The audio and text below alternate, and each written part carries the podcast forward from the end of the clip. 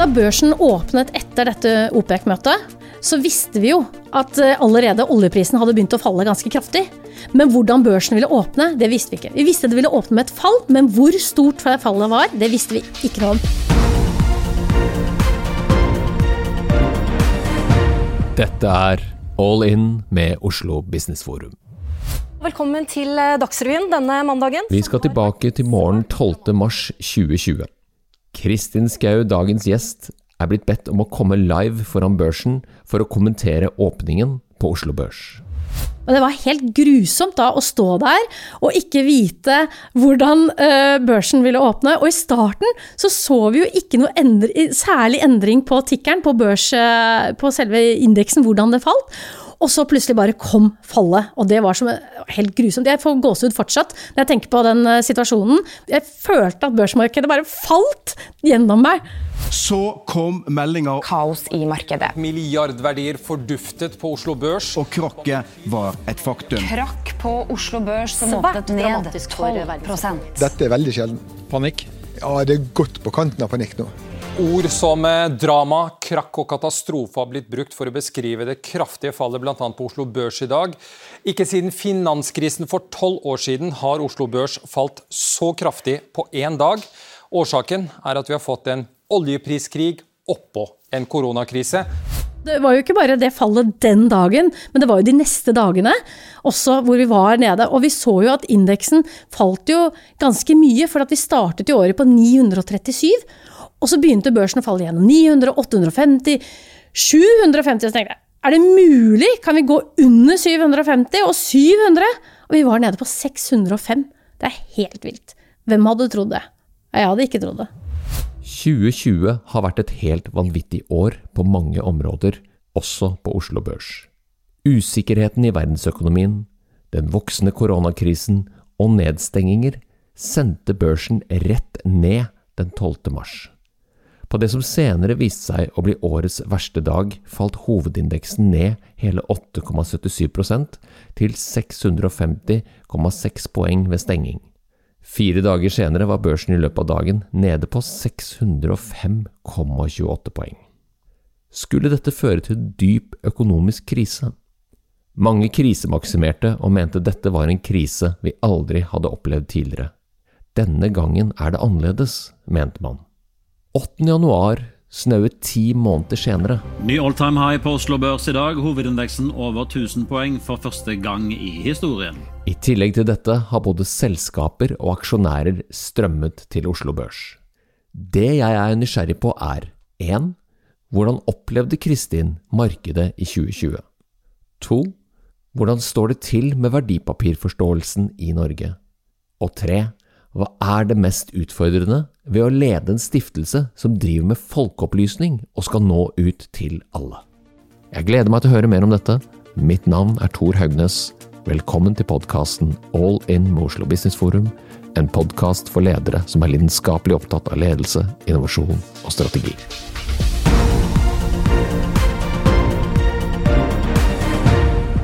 Kristin, inngangen til 2020 var Det var jo året hvor ting skulle stabiliseres, og man skulle ha videre vekst, og Norwegian skulle bli en suksessfullt selskap. Men med fasiten i hånd i 2021, så ble jo 2020 noe helt annet. Ja, for at 2019 var jo et veldig bra børsår. Og da begynte man å se at selskapene begynte å bli ganske dyre og høyt priset. Så man trodde liksom egentlig at 2020 kom til å bli et sånn ja, relativt kjedelig år med liksom ja, bra vekst, men børsmessig ville det antagelig ikke gå så veldig mye. Så, så, når vi da fikk alle disse nyhetene og, og denne covid-19 som vi syntes var litt rart å snakke om, og vi begynte å se nedstengningene og det ble jo et helt annerledes år. Vi kunne ikke ha forespeilet oss hva dette kunne bli. Nei, Og så var det jo et OPEC-møte, som jo som norsk økonomi blir preget av uansett hvordan utfallet blir. Og det var jo helt spektakulært, det som skjedde med OPEC-møtet i mars. Ja, fordi vanligvis når OPEC møtes, så snakker de om de skal kutte i oljeproduksjonen, eh, og da for å liksom holde tilbudet av olje litt lavt, eller sånn passe nøytralt nivå, sånn at etterspørselen er grei i markedet etter oljen. Og da, når de hadde dette OPEC-møtet i mars, hvor de da bare så at dette her, vi kommer ikke til å enes om noen ting. Og Saudi-Arabia bare sa at dette gidder vi ikke å være med på lenger. Vi bryr oss ikke noe om dette samarbeidet akkurat nå, og bare pøser på med olje. Og oljeprisen falt som en stein, og de brydde seg ingenting om det. Det kan godt hende de brydde seg om det, men for oss andre så var jo det helt krise. Og spesielt for Norge, med da alle de arbeidsplassene, all den oljeproduksjonen som vi lever av. Og da ble du invitert til å stå foran børsen for å kommentere på børsåpningen. Hvordan var det? Ja, da børsen åpnet etter dette OPEC-møtet, så visste vi jo at eh, allerede oljeprisen hadde begynt å falle ganske kraftig. Men hvordan børsen ville åpne, det visste vi ikke. Vi visste det ville åpne med et fall, men hvor stort fallet var, det visste vi ikke noe om. Og så kom jo beskjeden fra, fra Erna Solberg om at landet skulle gå i lockdown. Og det var jo også en, et beskjed til eh, aksjemarkedet også, om at her er det noe vi ikke har sett før. I hvert fall ikke vi som lever nå. Hvordan responderte markedene på dette? Ja, altså fullstendig lockdown. Eh, det kom jo som en Kanskje ikke som en stor overraskelse, eh, fordi mange hadde begynt å føle på dette her. Det merket jeg veldig godt eh, allerede fra februar, at mange i næringslivet følte veldig på hva er det som skjer nå. Og man begynte å kjenne folk som var smittet og var syke. Og vi så jo på skolene rundt omkring, så hadde folk allerede begynt å ta ut barna fra skolen før lockdownen virkelig kom. Og når den kom, så var det en erkjennelse av at her er det noe helt galt, og vi må ta de konsekvensene og de på en måte forholdsreglene som må til for å stoppe denne smitten eh, og de kons mulige konsekvensene. Men markedene reagerte jo også med avventning, som jo markeder gjør. Mm. Hva skjer nå? Og en usikkerhet og ikke så mye omsetning. Du har jo vært gjennom eh, svingninger før, både 2008 og 2001, og Asiakrisen før det også. Var det som du trodde det kom til å bli? Jeg hadde egentlig ingen forventninger eh, til hvordan det ville bli, for at eh, dette var så annerledes. Aldri, det var ikke noe hva skal vi si, fundamentale økonomiske faktorer som var med på å dra markedene. Dette hadde ingenting med, med, med det makroøkonomiske å gjøre. Dette var en fullstendig global krise som angår absolutt alle land og alt næringsliv. Eh, hver og en av oss i hele kloden. Og det har vi aldri vært uh, utsatt for før. Så det var jo egentlig ingen som visste hva som ville skje. Men uh, vi hadde jo fått noen signaler fra Kina på forhånd, uh, hvor man hadde stengt ned. ikke sant? Når Disney stengte ned sin Disney World, eller hva det heter, i, i Kina, og man så, og midt oppi nyttårsfeiringene til kineserne, klart det har mye å si. Og Apple også stengte ned en fabrikk i januar. Så man hadde jo sett litt av tegninga, men man hadde absolutt ingen forutsetninger for å forstå konsekvensene eller eh, hvor mye dette ville bety for, for næringslivet og, og, folk flest. Fikk du mange henvendelser denne perioden da? Men merkelig nok, akkurat da så ble det helt stille. Ja. Det var akkurat som folk eh, ble helt satt ut. Så det ble på en måte helt tyst. Eh, men samtidig så ble det jo mye spørsmål fra media. Hva skal man gjøre nå?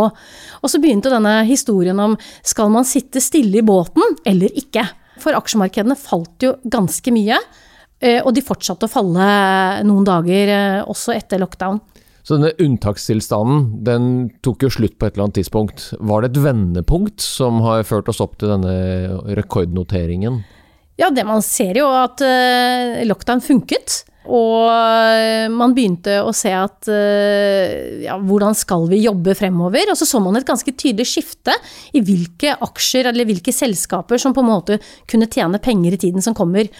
Og der fikk man seg nok en stor overraskelse, for det var mange nye selskaper som plutselig fikk veldig mye å gjøre, som ikke hatt eh, på en måte hadde eh, sikkert store satsinger og vekstplaner, men disse planene jo, ble jo da veldig fremskyndet, og aktiviteten deres også. Og denne Merkur Markets-plattformen eller handelsplassen til Oslo Børs, har den spilt en stor og viktig rolle her? Helt klart. Eh, dette er jo en markedsplass som har vært eh, på plass siden 2016, eh, men er en slags sånn hva skal vi si, light børsnotering for selskaper som er i en vekstfase. Og så er det jo veldig strenge kriterier for også å bli notert der, så det er jo ikke hvem som helst som slipper gjennom nåløyet. Men det man eh, så var at dette var jo da en fin mulighet for selskaper som hadde løsninger som vi trengte i denne vanskelige tiden, eller løsninger som er en del av det grønne skiftet. Og da så man plutselig at investeringsvilligheten inn i disse selskapene virkelig dukket opp, fordi man hadde jo fra før av ikke så mange gode alternativer i forhold til lave renter og den type ting. Ja, så man så et veldig tydelig skifte da, i hvor eh, investorpengene gikk. I episode tre så hadde vi Harald Magnus Andreassen her, og han snakket om litt sånn flåsete at hvis man kunne stave hydrogen og sol, så kunne man eh, attrahere kapital mye lettere nå enn før, da. Er du enig i den litt sånn uh, lette beskrivelsen? Ja, det er vel kanskje Så enkelt er det jo heldigvis ikke. Det mente ikke Harald. Nei, det tror jeg altså. ikke han heller mente. Men, eh, men eh, helt klart at det, hvis du er en av, eller var en av disse selskapene som hadde denne type løsninger som Ja, at det var det du driver med, da. Så var det plutselig mye lettere å få tilgang til kapital. Men fortsatt så er det jo sånn at investorene er ganske profesjonelle. De vil gjerne vite om at denne forretningsplanen som ligger til grunn, faktisk er velfungerende og kan fungere inn i fremtiden. At det vil skape resultater, at det finnes et marked for disse produktene. Men du var jo ute og advarte også. Jeg leste en artikkel i oktober i Dagens Næringsliv hvor du, du med litt bekymring Da, da opplevde jeg som nå er voksen-Kristin ute og advarer. Du var det? Mhm. Ja. Og hvorfor er du bekymret for dette? Nei, Det jeg er redd for, er vel at eh, folk flest går inn i ting de ikke skjønner hva handler om. Og veldig mange nye selskaper, vekstselskaper, eh, har jo ikke nødvendigvis eh, lønnsomhet de første årene. Mange av disse selskapene har jo allerede holdt på i både 10 og 15 år, men det er kanskje nå denne veksten deres kommer. Og da er det viktig å forstå at f.eks. hvis du driver skal på en måte først og fremst det første året bygge et produksjonsanlegg, og så skal du produsere denne råvaren eller disse produktene dine, så tar det kanskje to år før inntektene til selskapet kommer. Og det å da på en måte tro at det er lettvinte penger, eller at inntjeningen til selskapet kommer veldig fort. Det, ja, det ble litt for, litt for, enkelt, da. Og veldig mange også er ute etter utbytteaksjer. Det har vært veldig, Hele 2019 var det mye snakk om utbytteaksjer, så veldig mange private investorer følte jeg var ute etter å ja, er dette nye utbytteselskaper? Men det vil jo ta lang tid for et vekstselskap å kunne begynne å utbetale utbytter. For de har jo fortsatt kanskje et kapitalbehov. Og dette er fint, for Aksje Norge som organisasjon, stiftet i 1993, skal jo bedrive egentlig opplysning om aksjer og verdipapirer. Og du jobber som daglig leder i Aksje Norge, og du gjør veldig mye forskjellig, har jeg forstått. Hvordan oppnår dere best resultater i Aksje Norge? Jeg tror det å bare snakke folkelig, snakke til folk og være åpen om de mulighetene aksjemarkedet gir, men også de farene som er der. Men problemet med nordmenn er jo vært at folk flest tror at du, hvis du investerer i aksjemarkedet, så skal du kunne tåle å tape alt. Og ja. det er jo en virkelig feil eh, persepsjon av eh, det å investere i aksjer. Hvorfor er det feil? For at selskaper er jo ikke konstruert for å tape penger. Altså De fleste selskaper er jo konstruert for å kunne tjene penger inn i fremtiden. Og så lenge de klarer å innfri på det over tid, og ikke minst også skape vekst for seg og det markedet de opererer i, så vil jo du som medeier, altså aksjonær, i dette selskapet også over tid kunne tjene penger på det. Men det er jo et spekulasjonselement i det. For det, veksten i et verdipapir handler jo om at det må være noen i framtiden som er villig til å betale mer enn pålydende. Helt det er du enig i? Ja, altså aksjemarkedet er priset ut i fremtidige forventninger. Det er veldig lite som uh, handler om hva som skjer akkurat her i dag, og hvilke resultater man skaper i dag. Men resultatene du skaper i dag er jo også viktige for fremtiden. For hvis du ikke klarer å skape resultater i dag i det hele tatt, og du ikke har noen god grunn til det, så er jo da forutsetningene for å kunne skape resultater inn i fremtiden også kanskje litt dårligere. Og dette snakker vi helt med ned til 13-14-åringer om i Aksje Norge? Ja, altså utgangspunktet så skal vi jo ikke snakke til 13-14-åringer, men du gjør helt, det? jeg gjør det. Ja, eh, og det handler jo om å forstå også næringslivet og samfunnet for øvrig. Så jeg er faktisk ute i skolen og snakker med skoleklasser. Jeg har til og med kjørt eh, veldig enkel aksjehandel, eh, analog aksjehandel på papiret, med simuleringer i klassene, og det syns jeg er kjempegøy. Men det det handler om, er jo å forstå sam sammenhengene, da. Sammenhenger mellom råvarepriser, valuta. Eh, etterspørsel, ikke minst også interesse. Du nevnte dette med det grønne. ikke sant? Det, går vi mer vekk fra fossil til det grønne, eller er det en overgangsfase? Jeg er også fælt å utfordre gjerne den yngste generasjonen på er det helt ok å bare skru av oljekranen i dag? Hva skjer da med norsk næringsliv? Hvem betaler skolegangen din da, f.eks.? Hva svarer de da? Ja, de, har egentlig ikke, all, ikke alle har tenkt på hva det er som betaler for skolegang eller infrastruktur, som f.eks. T-bane, buss, bilvei osv. Eh, men jeg tror at det er viktig å på en måte hjelpe elevene til å få muligheten til å reflektere over disse tingene selv, ikke bare presse informasjonen ned på dem. Men jeg er også imponert over lærerne. Det er utrolig mange engasjerte lærere der ute som gjerne vil at eh, de unge skal lære mer. Jeg er jo lærer selv, så det varmer jo mitt hjerte å høre dette. Eh, jeg vet jo også at du brenner for at særlig jenter skal få større forståelse for eh, aksjer og verdipapirer, og du satte i gang i 2019 dette med Aksjejentene. Er det ikke det det navnet? Ja. På Facebook. Ja. Som har vært en Jeg har forstått at det er en formidabel suksess, fordi at det har fått en veldig fin eh, vareprat. Fortell om dette her initiativet og denne, dette å brenne for jenter og aksjer.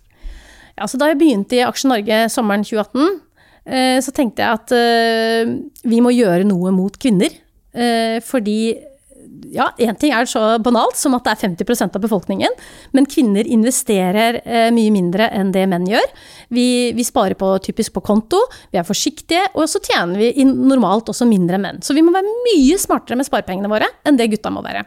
Og så tenkte vi at vi måtte ha et kvinnearrangement om eh, sparing i aksjer og investeringer, og så dro vi med litt pensjon, for det vet vi trekker, eh, trekker folk. Og de som møtte opp på dette arrangementet, var jo stort sett veldig høyt utdannede kvinner, men som har veldig lav kunnskap om disse tingene. Og når vi spør hvorfor, så handler det ofte om at de ikke har fått denne kunnskapen med seg hjemmefra. Og så fant vi ut at vi må jo lage en Facebook-gruppe hvor jenter kan diskutere aksjer og sparing. Og nå skal jeg være litt slem, for at ofte i grupper hvor det er mye menn, så kommer det ofte litt sarkastiske kommentarer, litt ufine Ja, rett og slett litt sånn ufin tale. For eksempel hva da? Nei, ikke sant? Er du komplett idiot, eller? Kunne folk skrive til en som lurer på hvordan, hvorfor får jeg ikke kjøpt eh, Aker Carbon Capture på aksjesparekonto? Så kan noen svare i et manneforum, eller sånn forum for alle. Ja. At liksom er du komplett idiot, har du ikke fulgt med? Det er jo selvsagt Det er noe alle vet, liksom? Det er noe alle vet. Ja. Og det, det som var målet da med denne gruppen, det var å på en måte lage en lav terskel eh, for, å, eh, for folk å komme inn og stille spørsmål, og høyt under taket. Her skulle det være romslighet. Og jeg må si jeg er så imponert over disse damene i alle aldre. Eh, Som er med i denne gruppen og deler av sin egen kunnskap og erfaring. Og så noen ganger så ser jeg kanskje at hvis det er litt sånn på eh, feil track, eller noen spørsmål er litt vanskelige, så svarer jeg selv og, og prøver å hjelpe til. Men det er helt fantastisk. Vi har ikke måttet slette mange eh, hva skal vi si, innlegg på denne gruppen. Det har vært to promoteringer, og så én ufin en. Ja. Og så med over 14 000 medlemmer. Det er jo helt fantastisk. Hvor mange innlegg snakker vi om da? Ja, det har jeg ikke tall på. Kan det Eh, være 14 000? Altså, det kommer Mer? så mange innlegg hver eneste dag, og det er mange av de som har ofte liksom 60-70 kommentarer.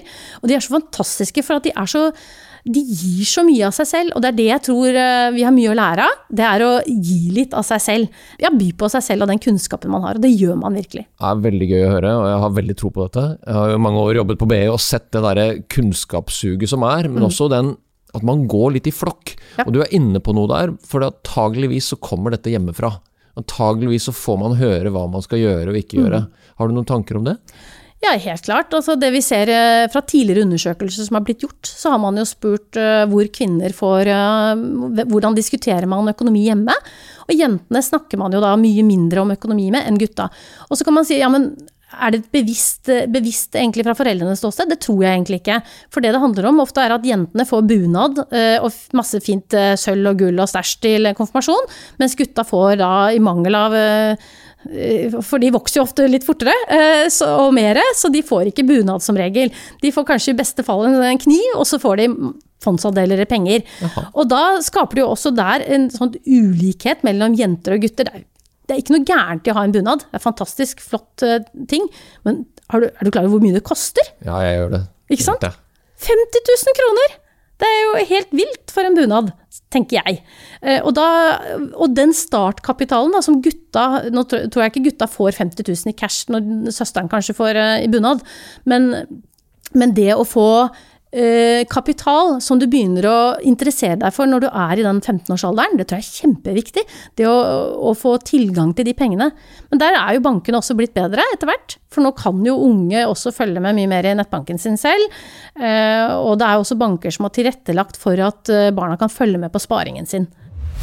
Kristin har en viktig melding til alle om hvordan kvinner gjerne arver forventninger gjennom tradisjoner, som eksempelet hennes bunaden. Kanskje høres det enkelt og lite viktig ut, men test det i et likhetsperspektiv, og det blir litt vanskeligere. Gutter får fondsinnskudd, jenter bunad. Nyere forskning viser at ettersom flere kvinner får anledning til å forvalte egen formue, viser det jo ikke overraskende at de er flinkere enn mennene også her. Ting tar bare tid. Dessuten liker jeg godt at hun forteller om delingskulturen i aksjeforumet til aksjejentene. De få verdipapirforumene jeg så vidt har vært innom, har hatt en langt mer 'her vet jeg best'-tone der tastaturalfahannene lirer ut av seg de mest håpefulle analyser og innsikter. Det er en verden jeg ikke kjenner spesielt godt, men det får meg til å tenke på kjønnsforskjeller og risiko. En stor bank publiserte for en tid tilbake en undersøkelse som nok en gang bekreftet hypotesen om at menn sparer i fond og aksjer, mens kvinner er mer tilbøyelige til å ha pengene i banken. Kristin står på hver dag for å endre dette. Det er både viktig og bra så jeg er fristet til å kommentere dette med hypotesen om at menn er mer risikovillige. Det er mulig litt søkt, men jeg leste også nylig om en mann i 60-årene som var blitt tilsnakket av politiet for å ha forsøkt å fjerne snø med bensin og en lighter. Så risikoaversjon kan også være en god ting, av og til. Det vi snakker om her er jo kunnskap, mm -hmm. og det å få denne kunnskapen til å bli nærmest allmennkunnskap. Og det er jo helt i tråd med statuttene til Aksje-Norge. Hvordan måles det du gjør og det dere gjør i Aksje Norge for å liksom ta ut noen kopier på det? Hvordan gjør dere det? Vi måler jo egentlig ikke eh, kunnskapsnivået, men eh, vi, eh, vi følger med på statistikk på hvor mange aksjonærer det er på børs. Og ikke minst eh, hvordan utviklingen er fra kvartal til kvartal. Så vi får tall fra Euronext VPS hvert kvartal, hvor vi sammenligner da eh, ut fra kjønn, ut fra alder, i hvilke markedsplasser de er, hvilke aksjer de velger. Og her er det jo en utrolig spennende utvikling som har vært nå de siste to årene, som jeg syns er kjempegøy å fått lov å være med på eh, å påvirke i denne perioden. For jeg er jo ikke alene om det. Det er ganske viktig å ha med seg. Hva er det du ser da, som gjør, som gjør, deg glad og entusiastisk? Ja, altså Det første er jo at eh, det er nesten 100 000 nye som investerer i aksjer på Oslo Børs siste året. 100 000 100 000. Det er 20% av aksjonærene på børsen. I gjennomsnitt hvor mye da? Ja, de, investerer for, eh, de som er unge, investerer for betydelig lavere beløp eh, enn de eldre. Mm. Men det vi ser, er jo at 67% av de nye aksjonærene er under 40 år. Ja, flott. 70 Så, nesten, ja. Ja, 70% kan du røftlig si. Og de investerer like mye i de nye selskapene også. Så de er, de er, ikke noe mindre tilstedeværende i de nye selskapene enn de eldre. Det er faktisk Gjennomsnittsalderen på de som investerer på Urnex Growth er rundt fem år lavere enn på Oslo Børs. Og kjønnsfordelingen da, jeg må jo spørre, av disse ja. nye? Ja, det er litt sånn trist statistikk ja, som kvinne. Muligheter. Mulighetene er jo da at uh, på, når man ser på den brede børsen, så er det jo sånn at uh, 70% av aksjonærene er menn, og 30% er damer. Men på de som investerer på Euronext så Growth, på denne Merkur, altså disse vekstselskapene, så er kvinneandelen mye lavere. Men vi ser at veksten blant nye kvinnelige aksjonærer er veldig bra. Det er rundt 18% vekst i fjor mens der mennene vokser litt mer i prosent. Så du kan si at kvinner er litt mer forsiktige. De velger ofte litt mer eh, hva skal vi si, sykliske eller forsiktige aksjer enn det mennene gjør. Unge menn spesielt tar jo gjerne de mest volatile aksjene. Er veldig overraskende. Er veldig overraskende. Og det, er, det, skal, det skal jo sies at jeg har jo fått telefonsamtaler fra unge menn som har eh, høy eh, forbruks, høye forbrukslån og investerer i aksjemarkedet i tro om at de klarer å ta igjen eh, det de skylder. Og noen lykkes, men du hører jo sjelden om de som mislykkes. Hadde tenkt å spørre om det er en god idé å låne penger for å spare i aksjer, men jeg tar bort det. For jeg har heller lyst til å spørre deg om I episode én så hadde vi besøk av Jakob Skram. Og en av de mest omsatte aksjene på børsen er jo Norwegian-aksjen. Og her hadde det vært veldig spennende å høre din kommentar. Hva, hva slags business case, hva slags tanke, hva, hva tenker du om Norwegian-aksjen i 2020? Altså det, det, er jo fælt å si. Jo, jeg har jo alltid vært et fan av Norwegian eh, som selskap, fordi de har virkelig tatt eh, sjanser. Ja, modige. Vært utrolig ja. modige, og de har virkelig turt å satse på det som det tradisjonelle SAS ikke gjorde. Og jeg tror eh, Kjos sa i starten at eh, er det billig nok, så reiser folk hvor som helst. Så nordmenn var jo veldig gode til å oppdage Øst-Europa Norwegian, da Norwegian kom. Eh, vi har jo aldri sett så mye av Øst-Europa som, som, da. Og så har de vært flinke og bygget opp over tid, men selvsagt så har man jo tatt også sjanser. Og det tror jeg nok at hvis du skal få til innovasjon og vekst, så må du ta en del sjanser. Eh, og, og, frem til eh, egentlig 2019 så var det ikke så veldig mange privatpersoner som eide så voldsomt mye i Norwegian. Men så begynte jo da utfordringene å komme også for Norwegian i forhold til eh, Boeing-flyene, og så fikk du utfordringer ja, ikke sant, med, med da koronakrisen. Massivt. Eh, massivt, ikke ja. sant. Fra å være et samfunn hvor vi elsker å fly og dra på langhelger og eh, Altså, vi dro på Folk dro på, til og med på langhelg til Beijing, liksom. Dette er jo et veldig problematisk dilemma. Ja. For ut ifra et sånt bærekraftsperspektiv og tilgjengeliggjøre verden som en à la carte-meny, så er det jo helt katastrofe. Dette ja. burde vi ikke drive med. Nei, e- egentlig ikke, kanskje. Nei, ikke har... kanskje, dette burde vi ikke drive med. Nei, altså fly er jo ikke veldig Hva skal vi si, er jo ikke veldig miljøvennlig. Det er jo tvert imot uh, veldig skadelig for miljøet med, med all denne det fossile drivstoffet og alt dette. Så, sånn sett så kan du jo si at det positive med koronaen eh, for oss også verden, var jo at det ble en mye eh, bedre luft i hele verden når vi ikke fløy så mye. En liten stund, og så startet jo kineserne opp igjen ja. maskinen, og så skal vi jo tilbake igjen til en variant av ny normal. Men det som er spennende med Norwegian case, er jo at det dytter jo fram en, en, endring, og de, de, prøver å endre det. De prøver å redde det, og de prøver å endre det. Ja, altså, Men flyselskapet i seg selv har jo en del utfordringer. Eh, med da stadige nye kapitalinnhentinger og høy gjeldsgrad, og nå har de jo kuttet på langdistanse. Så selskapet i seg selv har jo en del utfordringer, det er det ikke noe tvil om. Men som aksjonær der, så er det jo Der har jeg vært ute og advart litt også, ikke sant. At man må være klar over hva som skjer i selskapet. For når et selskap har hatt de problemene de har hatt, da, hvor de må konvertere gjeld til ny egenkapital, eh, og så tenker folk at ja, men det er jo kjempefint, nå får de en ordning på gjeldssituasjonen. Nei, det er jo ikke det. For at du som aksjonær, du, jo, du, du er egentlig sistemann ut døra når det går dårlig for et selskap. Det er du som har mest å tape på dette. Og det ser vi jo nå kommer en ny runde av, antagelig, som betyr at uh, de som er eksisterende aksjonærer, vil, uh, vil uh, tape mye på dette. Og det har jo foreløpig ikke vist seg i noen aksjekurser. Og så vet vi ikke hvordan framtiden blir. Ingen vet hva fremtiden Nei. blir, og i hvert fall ikke jeg heller på dette. Jeg følger jo ikke flybransjen så godt, men det er veldig spennende å følge med på. Og jeg tror at det er mye læring i akkurat dette her òg, da. ja, du får gå litt på trynet, men gjennomsnittlig eh, privataksjonær i Norwegian investerer jo ikke for veldig mange penger. Nei. Det er veldig lite. Det er antagelig mindre enn de tipper for i fotball i år eller noe sånt. Nå. Akkurat. Så Harald Magnus påstår jo at når vaksinen virker, så kommer vi bare til å ha et sug etter å reise og oppleve. Og, og du hørte jo reiselivsbransjen ble jo kjempefornærma nå for at man kanskje ikke kunne bestille sommerferien allikevel. Og, og, det tror jo jeg også. Mm. Nå må jeg legge til dessverre. Mm. Eh, fordi at vi har så mye penger. Men bruker vi pengene riktig, Kristin? Sånn 2021, 2022 og framover? Det blir veldig spennende å se. Jeg har vært på XXL og måttet kjøpe nye ski til datteren min her en dagen, og jeg var nummer 20 i køen. Eh, så en time senere så fikk vi kjøpt nye ski, og så var jeg der i går for å hente skiene, og da var jeg nummer 20 i køen for å hente ski. Eh, så det er jo helt klart at noen har jo tjent på denne koronakrisen. Ja, for børsen har jo steget. Børsen har steget, ja. og verdien har steget, og, men vi har flyttet hvor vi bruker penger. Men vi har spart veldig mye mer enn vi har gjort tidligere. Jeg er usikker på om folk vil si i år, da, eller 2020, så skulle jeg reist til USA. Jeg hadde regnet med at eh, med familien, og det hadde vi regnet med at det ville kostet kanskje 200 000 kroner. Vi har jo ikke spart de pengene og sagt at nå putter vi det i aksjemarkedet eller noe sånt. Da har vi kanskje pussa opp litt mer, eller vi bruker jo ikke det. Det er ikke sikkert vi drar, vi drar neppe til USA i 2021. Eh, og det er ikke sikkert vi gjør det i 2022 heller.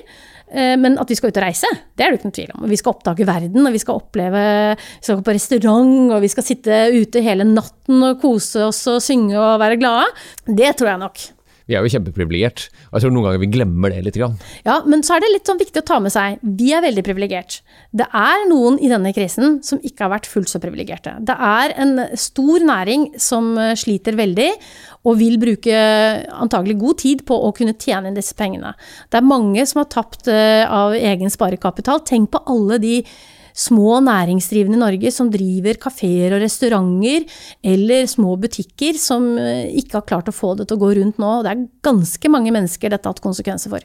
Ja, Du er veldig god på dette, og det skal vi heller ikke glemme. Alle de som nå får hjelp, forhåpentligvis, og de som ikke får, som må snu seg rundt og mm. finne en eh, inntekt i framtiden. Mm. Jeg har lyst til å utfordre deg litt på du Henter du noe inspirasjon fra noen andre kilder, noen bøker eller noen podkaster som du kunne ha delt med oss? Eh, jeg hører mye på podkaster, men det blir litt sånn ad hoc. Jeg får ikke tid til å lese så mye bøker lenger føler jeg. Jeg har, veldig, jeg har en hel bokhylle ved siden av sengen, faktisk. Full av bøker som jeg har lyst til å lese. Men det er ofte at jeg blar i dem, og så går jeg i bokhandel, og så står jeg og blar i bøker og leser innholdsfortegnelser. Altså jeg kjøper boka, da, og leser innholdsfortegnelser. Men jeg bruker mye Twitter, og der finner jeg mye inspirasjon.